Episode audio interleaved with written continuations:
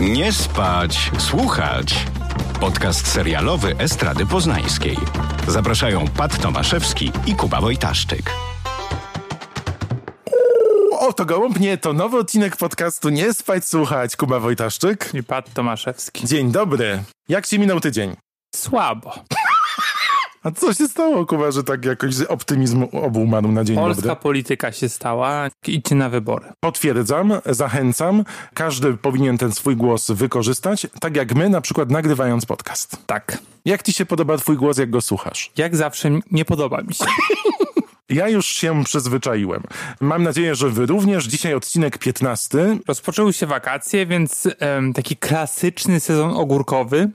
Chociaż patrząc na streamingi, jest ten sezon ogórkowy trochę kulawy, bo te nowości jednak przychodzą. Jest ich bardzo dużo. Ja nie nadążam, chociaż jak już się mówi, nie nadążam również. ale postanowiliśmy mm, zrobić taką przebieżkę serialową po ostatnim półroczu. Tak, słuchajcie, pół roku tego fatalnego 2020 już za nami. Czas podsumować to, co najlepsze w nim, czyli serial. Dokładnie, bo jest ich całkiem sporo i nie wiem jak ty, Patrycjusz, ale ja miałem dosyć duży problem z e, wyłuskaniem piątki według mnie najciekawszych produkcji e, tej pierwszej połowy 2020. Wyłuskaniem ja tak? Kiedyś byłem w kinie i były dwie koleżanki, znaczy już się z nimi nie koleguję przez to, które miały całą torbę chyba pół kilograma słonecznika i dziobały jak wrony. Fajne koleżanki. Także dziękuję, że mi traumę przypomniałeś. To już Anki. Koleży już umarło.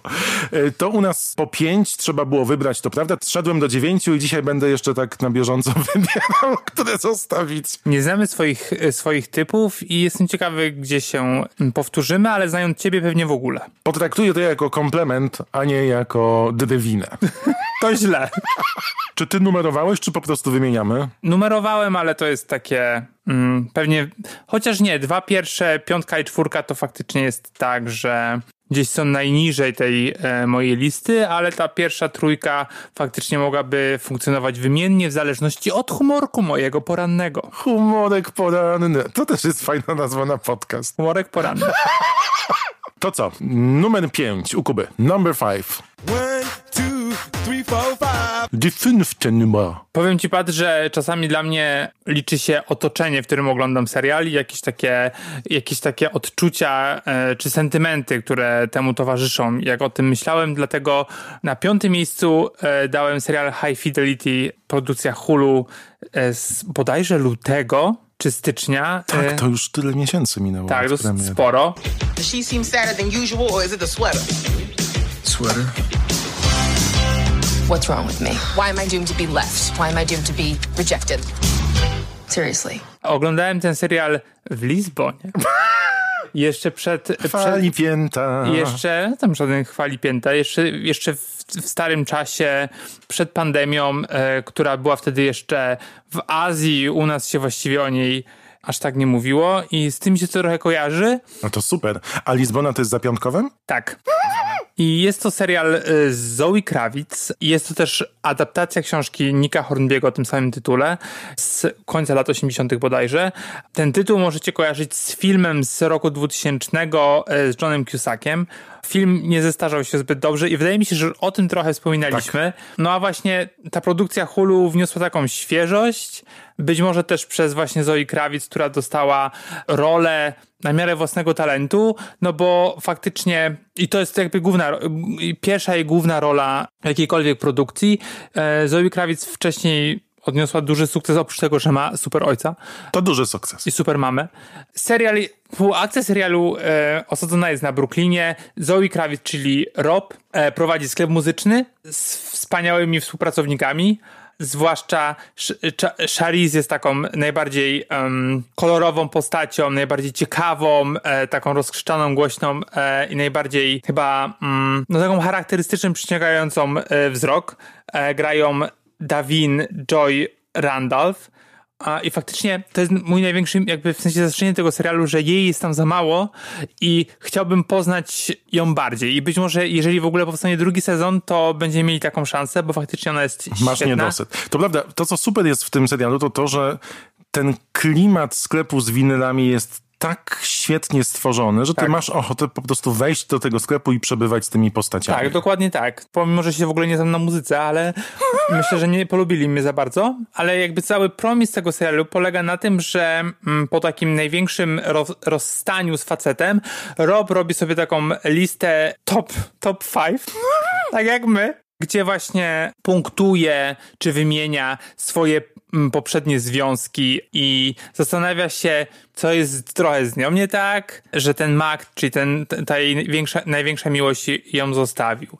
I być może to nie jest serial, wiesz, taki turbo udany, ale na pewno taki sympatyczny. Jest bardzo klimatyczny, to też trzeba przyznać. Tak, no i ta muzyka retro faktycznie y, robi, robi robotę i postaci, które się pojawiają w drugim planie, ci kolesie, którzy są jej tam miłościami, faktycznie to jest ciekawe. I takie, wiesz, i też jakby z punktu widzenia kobiety, to takie odświeżenie bardzo dobrze zrobiło pewnie samej książce, czy samej tej produkcji i też jakby przykryło cieniem tę produkcję z roku 2000. In the Shadows teraz wejdzie.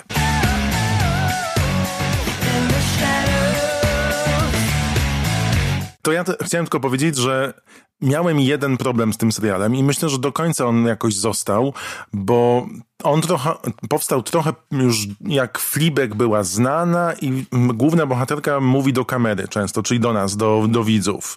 I nie zawsze mi to pasuje. Tak, to faktycznie trzeba się, e, trzeba trafić i Fleabag to zrobiła idealnie, no ale wiesz, no jakby trzeba próbować, no bo nie, to nie jest tak, że coś może być pierwsze i później nie możemy z tego korzystać. To prawda, natomiast urogi klimat, właśnie ja chcę wrócić do tego serialu, żeby pobyć w tym sklepiku. To jest tak ciekawie zdobione, że z tych wszystkich produkcji to jest miejsce, do którego z chęcią bym się wybrał, gdyby istniało. Właśnie ciekawe, czy istnieje takie miejsce. Trzeba pojechać śladami High Fidelity. Zbieramy.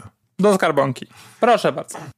Tak, U mnie na miejscu numer 5 jest najnowszy sezon produkcji The Good Fight Roberta i Michelle Kingów, którzy wcześniej robili Good Wife, czyli żonę idealną, teraz robią sprawę idealną. I tak jak w trzecim sezonie oni niezwykle mocno skupili się na Trumpie, tak w czwartym sezonie troszkę zelżyli z tematem i skupili się bardziej na wątkach rasowych, zwiększając trochę pokrętło dla absurdu i humoru. Takiego życia w kancelarii, gdzie musisz podejmować ważne decyzje ze względu na swoich klientów, ale jednocześnie musisz się skontrastować z tym, co obecnie system legislacyjny w Stanach proponuje. I to zderzenie jest fantastyczne. Something's going on.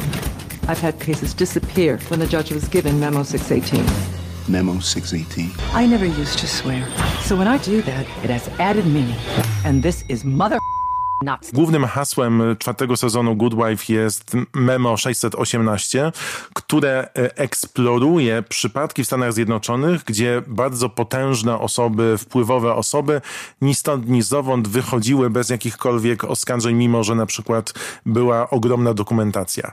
I starają się zwrócić uwagę na to, że od wielu, wielu lat dochodzi do takich procederów. Za przykład podają Jeffrey'ego Epsteina, który przecież był skazany za czynę pedofilskie i ani razu nie zjawił się u swojego kuratora i nie poniósł żadnych konsekwencji. Zresztą finał czwartego sezonu jest związany z Jerem i bardzo mocno nawiązuje do obywatela Keina. To jest majstersztyk, jeżeli chodzi o seriale prawnicze z dużą dawką absurdu i bieżącego komentarza politycznego. Wspaniale się ogląda. Jestem bardzo smutny, że nie udało się dokończyć tego sezonu ze względu na koronawirusa, bo miało być 10 odcinków, mamy 7. Kończy się na absurdalnych poszukiwaniach skarbu i e, Jeffrey'ego Epsteina, ale no jest to wspaniała przejażdżka. Bardzo polecam. Ale to dokończą to, czy, czy co? nie dokończą, nie mają już aktorów pod kontraktami, więc e, serial został przedłużony na piąty sezon, który będzie miał zupełnie nową historię, ale twórcy obiecują, że rozwiążą pewne wątki w pierwszym odcinku. Okej. Ja oczywiście nie widziałem. Nawet tego odcinka z Hillary, którego miałeś zobaczyć. No, zapomniałem. E, Jak mi to właśnie teraz e, powiedziałeś, to przypo- przypomniałem sobie o tym. Jeszcze chciałem powiedzieć, że bardzo ładny ukłon twórcy robią w tym nowym sezonie dla muzyków, których straciliśmy w dobie koronawirusa, bowiem utwór początkowy zawsze jest dedykowany osobie, która umarła przez pandemię w tych ostatnich odcinkach. No, ale to musieli montować, tak? Czy Na co? bieżąco, na Aha. bieżąco. I też zrobili bardzo miłą rzecz, bo jako, że montaż e, serialu odbywa się na bieżąco, to nagrali wideo, w którym wykorzystali wszystkie osoby pracujące przy serialu, które tłumaczyły, dlaczego nowy odcinek nie może być w tym tygodniu, tylko jest większa przerwa i pokazali całą mapę, jak tworzy się serial, jak muzyka węd- wędruje na przykład z Andody do Nowego Jorku, po Los Angeles i potem wraca do Andody na mix. Bardzo, bardzo ciekawe No, to, to ciekawe, bo znaczy wydaje mi się, że teraz tak sobie na gorąco myślę, że właśnie jakby ta korona pokazała widzom, jak, jak się właśnie tworzy różne produkcje, że to jest, wiesz, że to nie tylko się pojawia po prostu na platformie streamingowej, tylko faktycznie to jest taka ciężka praca i tak jak właśnie powiedziałeś, droga, którą muszą twórcy nieraz wykonać, żeby coś stworzyć. I to jest bardzo takie... Tak, i jak zmieniła się Ciekawe. produkcja, bo kiedyś nagrywano z dużym wyprzedzeniem, a teraz nagrywa się prawie że na bieżąco. Czyli można to widzieć właśnie po tych produkcjach, które zostały przerwane, że większość sezonów nie została dokończona w Stanach. Zostały poprzerywane. Tam trzy albo cztery albo pięć odcinków nawet brakuje. Czyli najważniejsze wątki nie zostały rozwiązane. W Stanach nawet gdzieś czytałem w Variety, że największym minusem tego koronawirusa jest to, że ta nowa wersja dynastii nie zdążyła zdobyć mołdawskiej masakry. A O. tak, a w finale tego trzeciego sezonu Dynastii miało dojść do nowej wersji tego słynnego wydarzenia z lat 90., gdzie przecież kiedy Catherine Oxenberg, w której się tak kochałem, no ona była tak piękna, Nie mam pojęcia. brała ślub, ona też grała w Brygadzie Acapulco. To też był super serial.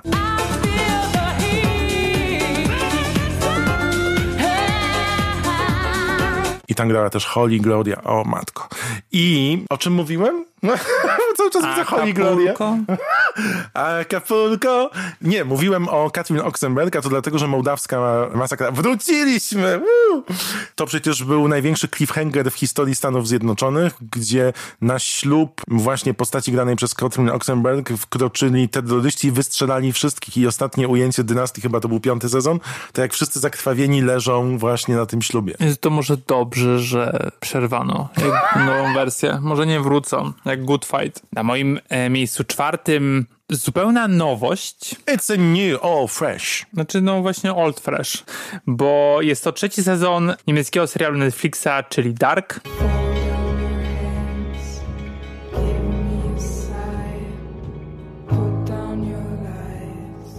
Dla mnie to jest absolutny hit. To jest świeżutkie, to jest przecież zeszłego piątku. Tak, już obejrzałem prawie całe. Nie. E, ma 10 odcinków ten sezon, chyba jak każdy. I on bawi się pojęciem czasu, podróżowania w nim i też ciągle zbliżającą się apokalipsą, bo ona się zbliża i oddala w zależności od odcinka, bo oni tak podróżują w tym czasie. I mamy do czynienia z teraźniejszymi postaciami, nimi z przyszłości i kilkoma osobami, którzy, które Tak.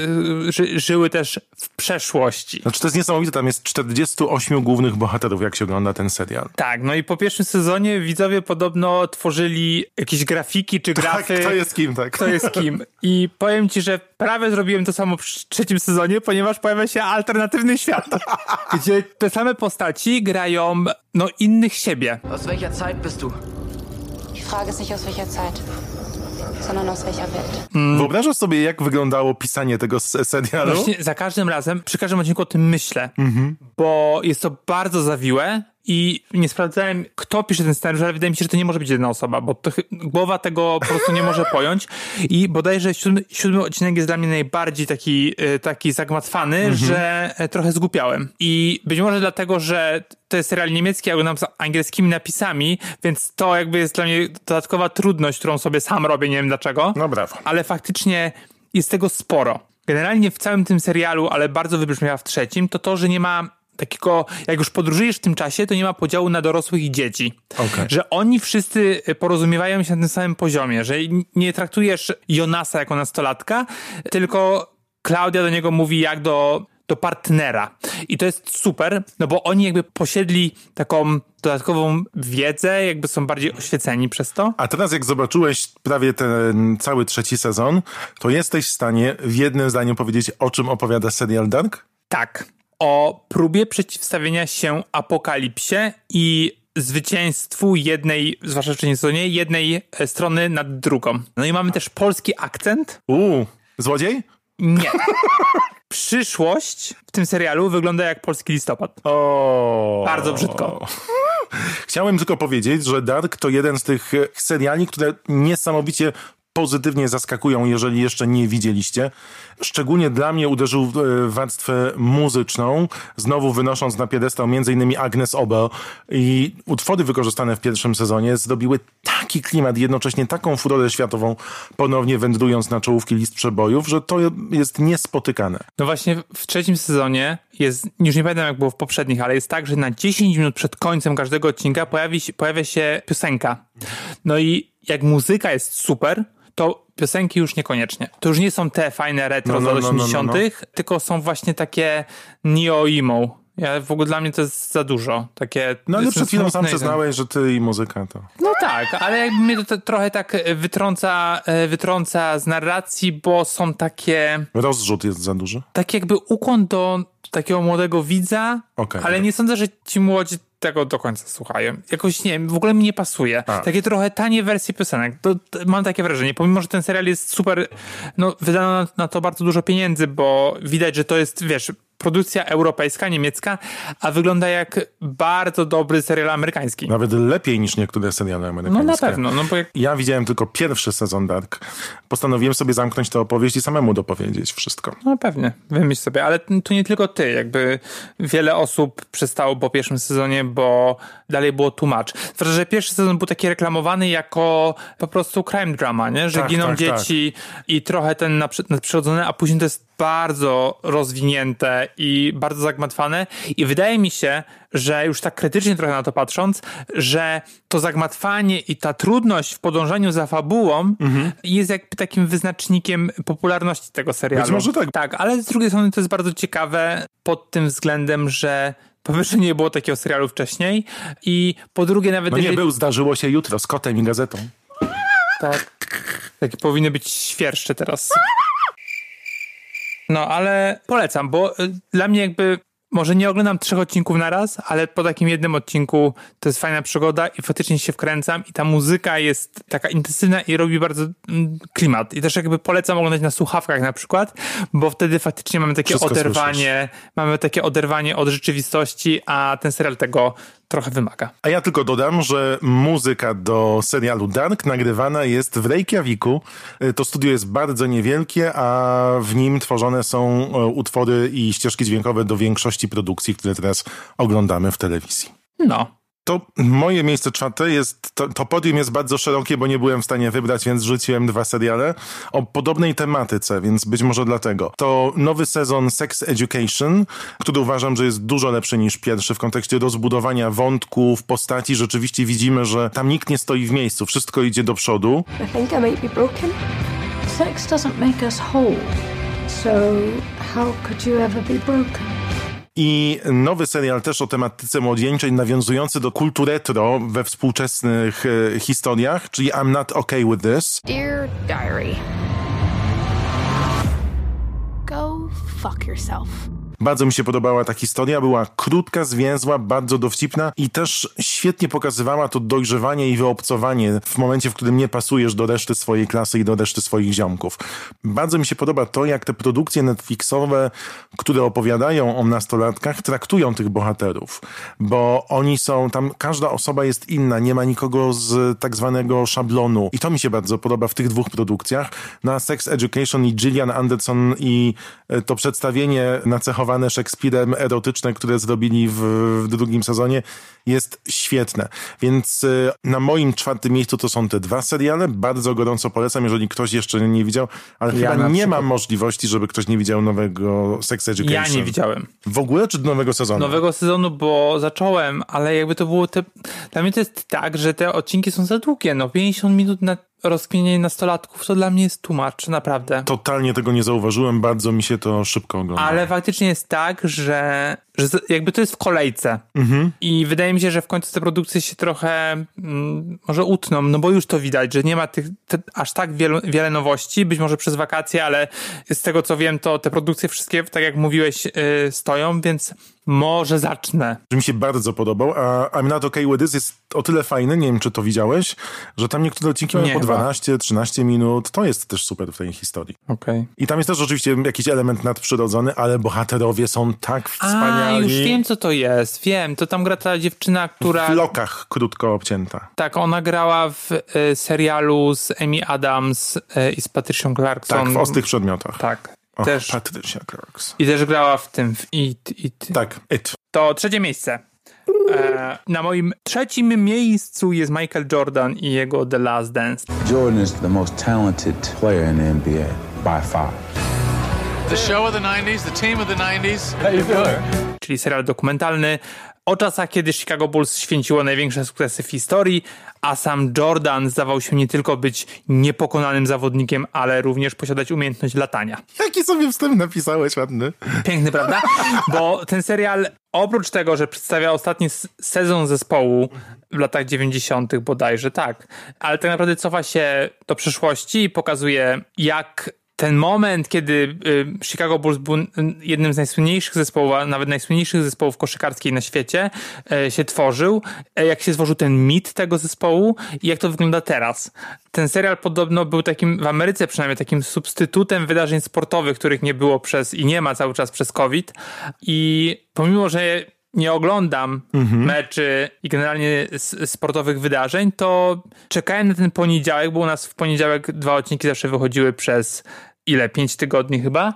Czekałem bardzo z takim utęsknieniem, wytęsknieniem, że chciałem zobaczyć, co ten Jordan zrobi Super. i to było faktycznie dla mnie bardzo takim fajnym i dziwnym przeżyciem, bo tak jak powiedziałem, no jakby koszykówka, ja no na co, na co macz. To też pewnie jest dlatego, że po prostu są lata 90., czyli pamiętam to wszystko, pamiętam tą Tak. jockeykę, którą miałem z, z Chicago Bulls i no ziemią po korytarzach szkolnych. No pamiętam, że wtedy tam Bema w Poznaniu to wszystkie stoiska miały czapki, szaliki, kurtki i z tymi emblematami O, drużyn. nie? raczej. Nie pamiętam, czy miałem Bullsów, czy miałem...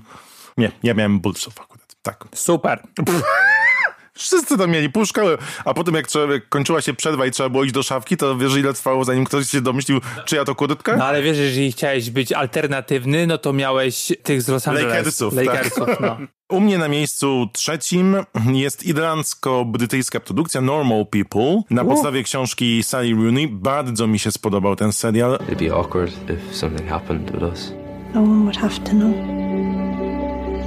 I didn't know your mom worked in the Sheridan's house. What's Marianne like in her natural habitat? I don't know, I don't see much of her. Dużo było obaw moich po przeczytaniu książki i posłuchaniu informacji, że powstanie z tego serial. Nie mogłem sobie tego wyobrazić. Jak zobaczyłem zwiastun, to też nie uwa- uważałem, że to nie ta bajka. Tymczasem klimatem, opowieścią i takim minimalizmem ten serial mnie rozbroił. I jestem pod ogromnym wrażeniem castingu, bowiem to, co zrobili twórcy, czyli obsadzili dwie mało znane, ale bardzo utalentowane osoby, czyli Daisy Edgar Jones i Paula Mescala, no trafili w dziesiątkę, bo już mówi się o tym, że będą to przyszłe gwiazdy Hollywood i absolutnie nikt nie wątpi w to, jak jasno będzie świeciła ich gwiazda. Jestem pod ogromnym wrażeniem tego, w jaki sposób ci twórcy... Co za metafora. Jestem pod ogromnym wrażeniem tego, jak twórcy podeszli do tematu i nie przeszkadzało mi rozbicie tego na 12 odcinków, a ucieszyłem się tym bardziej, że okazało się, że ta sama ekipa będzie robiła ekranizację pierwszej książki Sally Rooney, którą ty bardziej lubisz. Tak, Conversation with Friends. Tak, wydaje mi się, że dlatego, że czytałem ją, czytałem ją później i bardziej ją pamiętam, ale chyba też dlatego, że po prostu no ten stan takiego właśnie emosowania mi bardzo doskwierał i w książce i w serialu, że to jest za smutne i dla mnie przez to, przez ten smutek nie do końca realne, ale aktorzy super, atmosfera też powiedzmy, dla mnie tych 12 odcinków to było faktycznie za dużo. Ja powiem ci, że lubię produkcję, być może dlatego, że my bardzo dużo oglądamy, więc często wyróżniają się produkcje, które naprawdę odskakują na margines. I mam taką preferencję, jeżeli chodzi o seriale, że lubię seriale, które bardziej są pisane emocjami od tych e, fabularnie nacechowanych. Tu według mnie bardzo ładnie poszli tym pokazaniem emocji, bardzo nawet dosadnie. I jak tak sobie myślę, to z chęcią bym e, wrócił nawet do tego serialu, mimo że on rzeczywiście bije smutkiem, ale jednak emocje są niezwykle czyste. Poza tym też świetna ścieżka dźwiękowa jest e, w To tym prawda. serialu, zarówno muzyki oryginalnej, jak i e, utworów wykorzystanych i na przykład dzięki temu serialowi na nowo odkryłem Mini Mentions i piosenka Works Every Time, którą bardzo polecam, u mnie jest codziennie na odsłuchu. Nie mam pojęcia co to. To u mnie numer 3, Normal People. U mnie na drugim miejscu jest serial, który ciągle mam w pamięci i zresztą o którym już też wspominaliśmy i nie tylko my, ale też, ale też dziewczyny z Złotopolscy. Nie, jak nikt nas nie pytał, ale tak się wypowiemy. Matki i żony i kochanki. Matki, żony i kochanki. Wczoraj koleżanki. To był dopiero serial. O tym trzeba zdobyć odcinek. Ty w ogóle, w ogóle mnie nie słuchasz. Serial, o którym chcę powiedzieć to Mrs. America. I am not against women. But what I am against is the women's liberation movement.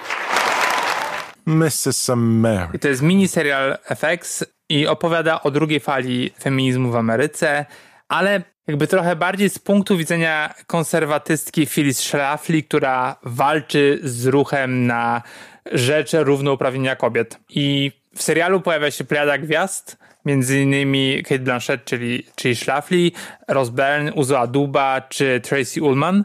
Rose Byrne jest taka piękna. Jest wspaniałą aktorką też. A wiesz, gdzie uczyła się grać? Od... W Poznaniu. tak. W Teatrze Nowym grała.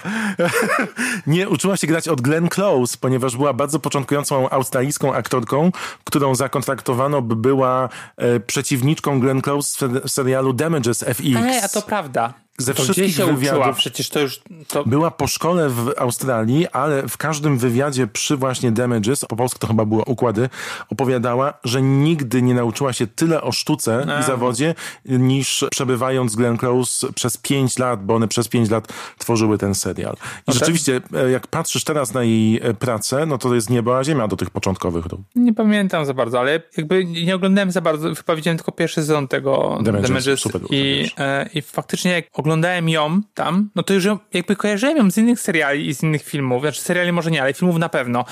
I w każdym razie teraz Roz może uczyć aktorstwa, bo jest absolutnie genialną Super aktorką. No i ten serial też, to właśnie nie tylko ta plejada gwiazd amerykańskich, ale też takie głębokie zanurzenie w lata 70. Niemal czujesz zapach i smak tamtych lat, ale to wszystko przez to, że twórczynią tego serialu jest, e, jest kobieta, która stworzyła między innymi Madmana, więc jakby ma takie doświadczenie w tworzeniu Zamiłowanie do detali, tak. tak, takie No i gra tam twoja Sarah Paulson. tak. Już nie chciałem o niej mówić, bo mógł o niej mówić non-stop. E, no i też jakby cała historia i fabuła jest mega istotna, no bo opowiada o, o ruchu na rzecz kobiet i nie tylko, nie tylko białych, ale też, też czarnych i wiesz, jakby też pokazuje drugą stronę, stronę, stronę barykady i niby mamy do czynienia z konserwatywną, znaczy niby, no jest, jakby Schlafly jest konserwatywna, ale ona pnie się po trupach do, do, do swojego celu, bo, no bo w takim świecie żyje. Jakby mężczyźni, mężczyźni nie chcą dopuścić kobiet do, do, do władzy, zresztą cały czas. No i ona musi to robić e, w taki, w taki, a nie inny sposób. I to jest bardzo ciekawe spojrzenie. Jakby nie, ona nie jest takim, taką negatywną postacią w stu procentach, tylko ma ten taki, ale jest dobra. Jest dobra w tym, co robi. No na pewno. I ją gra Kate Blanchett, to też bardzo fajna rzecz. Jeżeli nie widzieliście jeszcze, plejada niesamowitych aktorskich kreacji w serialu Mrs. America. W Polsce dostępny na HBO. To jest twoje miejsce numer dwa. U mnie na drugim miejscu jest drugi sezon Afterlife Rickiego Gervaisa. Nie. Tak. Mm. Bardzo mi się podobał. People think all those things I miss doing with Lisa, I could just do them anyway. They're missing the point. I miss doing nothing with Lisa. Łapie mnie nadal za struny, mimo że ten drugi sezon jest zupełnie niepotrzebny. No. Naprawdę. Natomiast jeżeli już wejdziesz w tę konwencję i zobaczysz, jak Ricky Gervais czule patrzę na... Czule patrzę... La, la, la, la, la, la, la. Patrzysz, jak Ricky Gervais czule spogląda na świat, no ja jestem pod ogromnym wrażeniem. I w drugim odcinku drugiego sezonu jest monolog matki nowego stażysty, który jest najśmieszniejszą rzeczą, jaką w, widziałem w telewizji w tym roku.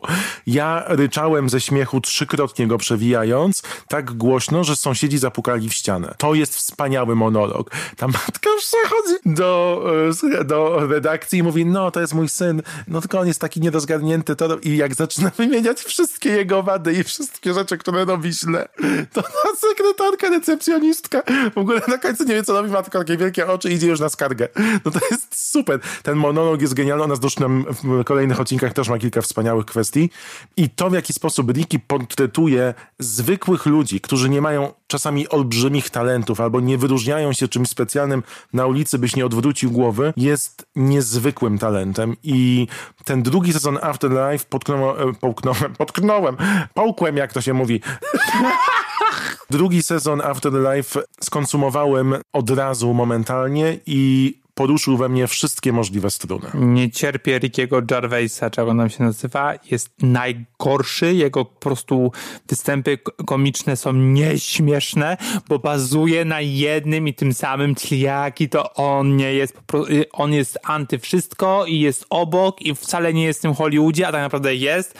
I to było śmieszne może 20 lat temu, już nie jest. Ja go bardzo lubię, jest niezwykle śmieszny. Uwielbiam Rickiego Gervaisa, ma wspaniałe podejście do życia i to, jak trzyma się na uboczu, a jednak wewnątrz, jest wielką zaletą tego podejścia. Ma niesamowicie brytyjski humor, jeżeli chodzi o wywiady i na przykład jeżeli lubię co jakiś czas włączać sobie wywiady u tych znanych showmenów, late showów, to wywiady z Rickiem Gervaisem są zawsze najlepsze. Liczba osób, które obejrzała? Jedna. Nie, tam są w milionach jest, bo na przykład potrafi szczerze powiedzieć, co czuje. Tak jak ja. A ty? Nie. Dlatego oglądałeś to milion razy. Nawet więcej, ale usuwają mi te oglądania. To to jest miejsce numer dwa, drugi sezon Afterlife. Zresztą jak skończyłem ten serial, to Netflix pokazał mi planszę do zobaczenia w sezonie trzecim. I wszedłem od razu na konto Rickiego Gervaisa, napisał mu coś po polsku śpisz, a nic nie odpisał. Zauważyłem jego jeden z ostatnich postów, w których mówi, że przez to, że nie macie co robić, mili ludzie z Netflixa nakłonili mnie, żebym znowu coś napisał. Dzięki. Lazy. No dobrze, to na moim pierwszym miejscu jest zupełna perełka, o której niedawno mówiliśmy, więc tylko o tym napomknę. I May Destroy You. O, to też u mnie na pierwszym miejscu. No raczej jest. to jest po prostu najlepszy serial świata. Oh, how'd you get that? Can't remember. There's so much injustice and my job is to speak the truth. Thank you for what you're doing. I love you too. Jest super. To jest produkcja, która w Polsce pojawia się co tydzień na HBO. BBC już wyemitowali dziewiąty odcinek i muszę powiedzieć, że trzymam się po prostu wszystkim, co tylko można, żeby nie oglądać do przodu, tylko ja czekać. Też. I rzeczywiście oglądam to raz w tygodniu. Dzisiejszy odcinek, bo nagrywamy to w poniedziałek, jeszcze przede mną, więc na wieczór sobie zostawiam. Teraz we wtorki wychodzi. Tak? Tak, bo w poniedziałki wychodzi Perry Manson. A, i przełożyli? I przełożyli w Ameryce też, w Ameryce przełożyli na poniedziałek. A u nas we wtorek. No to, A u nas we wtorek. To co ja dzisiaj zobaczę? Możesz Perego Mansona, ale to nie jest zbyt dobre. Mm, znaczy, ja bardzo lubię tego aktora, szczególnie, że grał w Braciach i Siostrach i grał w... Ameryka...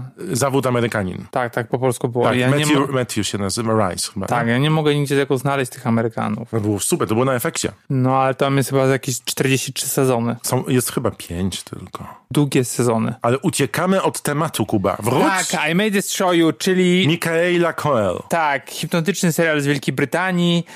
Dawno się nie spotkałem z takim serialem, który tak mnie odrywa od rzeczywistości, tak. bo ja jestem widzem, który jednak siedzi z telefonem mhm. i bardzo często po prostu tam gdzieś na Instagram wskakuje, albo sprawdzam, wiesz, jakichś aktorów, którzy się pojawiają na ekranie, których nie pamiętam nazwiska, albo gdzie grali i tak dalej i po prostu być może trochę gubię się w fabule, być może Dark, Dark jest dla mnie za trudny, być może tak, ale e, faktycznie, e, faktycznie na tym serialu tego nie robię i no jest zupełnie hipnotyczny dla mnie. Wciąga mnie w ten świat. Tak, którego nie tłumaczy. Ty po prostu zanurzasz się tak. w ten świat i nie potrzebujesz żadnego wytłumaczenia. Po prostu to jest super podróż do tego świata i rzeczywiście ja też za każdym razem, kiedy odpalam nowy odcinek, to jestem pod ogromnym wrażeniem świeżości materiału i tego, jak oni mówią. Tak. To jest tak fajne do słuchania, tak naturalne. Nie masz sztucznych rzeczy. Tam nie usłyszysz, hej, powiedz mi o czym myślisz, albo myślę, że... Tak, wydaje mi się, że tam w ogóle nie ma fałszywych nut. I tak. to, jest, to jest ciekawe, bo wiesz, mówimy o serialach, które są świetne, ale wiadomo, że zdarzają się takie klasyczne rzeczy, które, nie wiem, że wyjaśniają rzeczywistość. A. I to w jakiś sposób akceptujesz, no bo wiesz, że taka jest konwencja. I tak się po prostu robi seriale, bo widz jest masowy, więc musisz coś wytłumaczyć. A CSI, ty... to nie był wypadek. To było morderstwo. Też pewnie znajdziesz takie rzeczy, nie w Mrs. America, czy właśnie w Dark, tak, jakby, że tak, są takie tak. rzeczy, które po prostu muszą być, muszą się pojawić, a tutaj absolutnie idą jakby pod prąd, pomimo, że trwa 20 minut, jest absolutnie zabawny i śmieszny, ale też wiesz, jakby pozostaje taką nienachalnym odniesieniem do przemocy seksualnej, której główna, yy, główna bohaterka doświadczyła. Mhm. I tutaj faktycznie ten konsent jest bardzo silnie pokazany, ale też tak jak powiedziałem, nienachalnie. To nie jest, to nigdy nie jest lekcja z edukacji seksualnej, której w Polsce nie ma i... To też, to też nie definiuje bohaterów, nie? Tak. I masz ten ostatni odcinek, ten mm, czwarty, czy zgubię się, ten Czwarty. najnowszy, e, gdzie właśnie przemocy seksualnej do, e, doświadcza jej przyjaciel. Co też jest mega istotne, no bo pokazuje, że mężczyźni również, czy mężczyźni, czy nie, nie, już nie, nieważne. Nie są wykluczeni z tak, tego, z tego tak. wszystkiego. Jakby w sensie każdego może to, każdego może to spotkać. I na koniec jeszcze powiem, że co dla mnie jest istotne, to to, że ci aktorzy i te aktorki nie są zbyt znani. No Michaele możesz kojarzyć, ale to nie jest, to nie jest Kate Blanchett. Tak.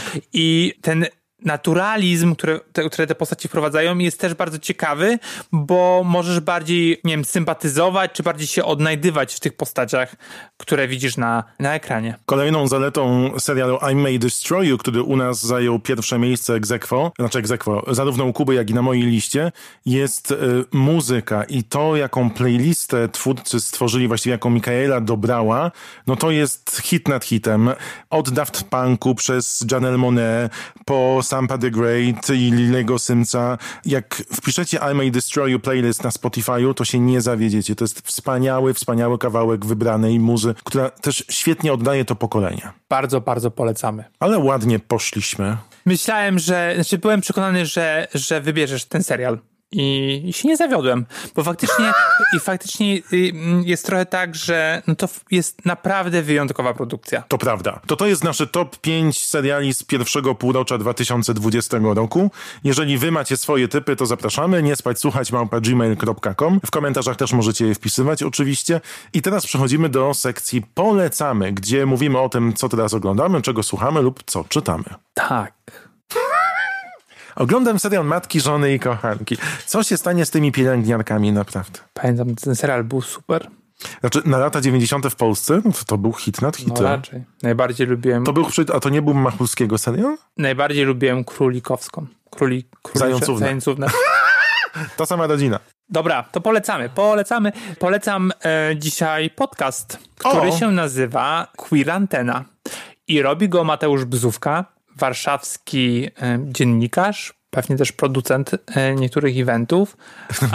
Czyli zakładam, że to polski podcast. polski podcast, co jest u mnie bardzo dziwne, To bo prawda, nie właśnie słucham jestem w szoku. ale jest świetny. Oczywiście, jak sama nazwa wskazuje, dotyka szeroko pojętego queeru i edukuje, ale w nienachalny sposób. Do tej pory było chyba 6 odcinków lub 5 i faktycznie z bardzo ciekawymi osobami się Mateusz spotyka. Między innymi e, z Piotrem Buźko, czyli swoją starą, była Karolina Sulej, e, był Remigiusz Ryziński, bo wydał nową książkę, Marta Mak ze zwykłego życia, Franek Sterczewski. Jakby generalnie tych postaci jest bardzo dużo i często to są osoby właśnie queerowe, ale też sojusznicy. I e, te rozmowy są bardzo ciekawe i ma bardzo fajną czołówkę swojego, seria- e, swojego serialu, swojego podcastu. Tak więc Queer Antena bardzo polecam. Ja polecam serial, który zacząłem oglądać w ten weekend. Trzy osoby mi wspomniały, że to jest jedna z lepszych produkcji, bo e, kiedy mówiłem właśnie, że przygotowujemy się do tego top 5, to powiedzieli mi, że ej, musisz powiedzieć o Zero Zero Zero, czyli serialu e, Amazona, który w Polsce jest dostępny na HBO. Tak. Nic nie słyszałem o tym serialu. Musiałem, muszę się przyznać, że nie wiedziałem. Nie wiem, czy Amazon nie robił jakiejś kampanii promocyjnej, bo jestem na bieżąco na wszystkich portalach, które mówią o show biznesie telewizyjnym i być może trafił na taki czas, gdzie za dużo się mówiło o innych produkcjach, bo jakoś przepadł mi między palcami. We want to meet your Mexican friend and ship the merchandise. What was Dad's number one rule? Money solves everything. Exactly, kiddo. Jest to e, serial, który stworzył między innymi Stefano Solima, którego możecie kojarzyć z drugiej części Sicario i dlatego też ten serial tak wygląda. Jak włączyłem pierwszy odcinek w sobotę, to mówię sobie wow, bo on rozgrywa się na kilku kontynentach, ale jest tak filmowo robiony, jest tak niesamowicie kadrowany. Ilość statystów, ilość kadrów, ilość w ogóle e, drugiego i trzeciego planu jest jak w dużej, ogromnej e, amerykańskiej produkcji filmowej.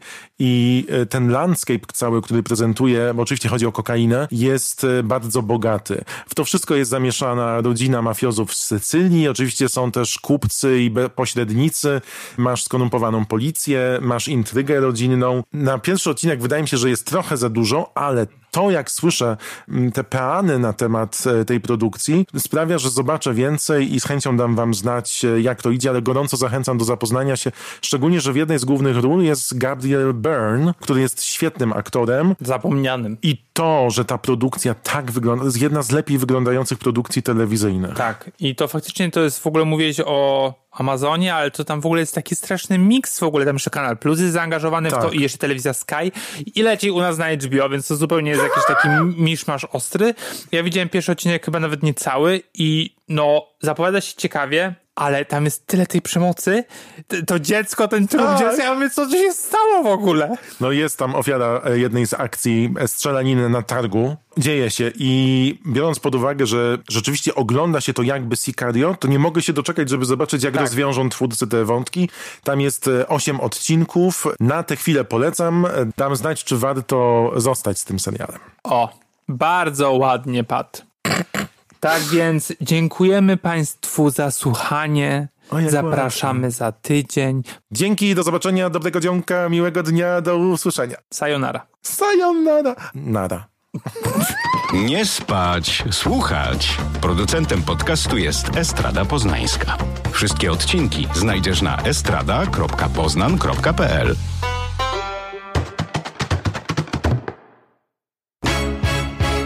The sexiest show on television. Humorek poranny. Is a real thing of beauty. Humorek poranny. the critics agree. W zależności od humorku mojego porannego. Maruda pierwszy.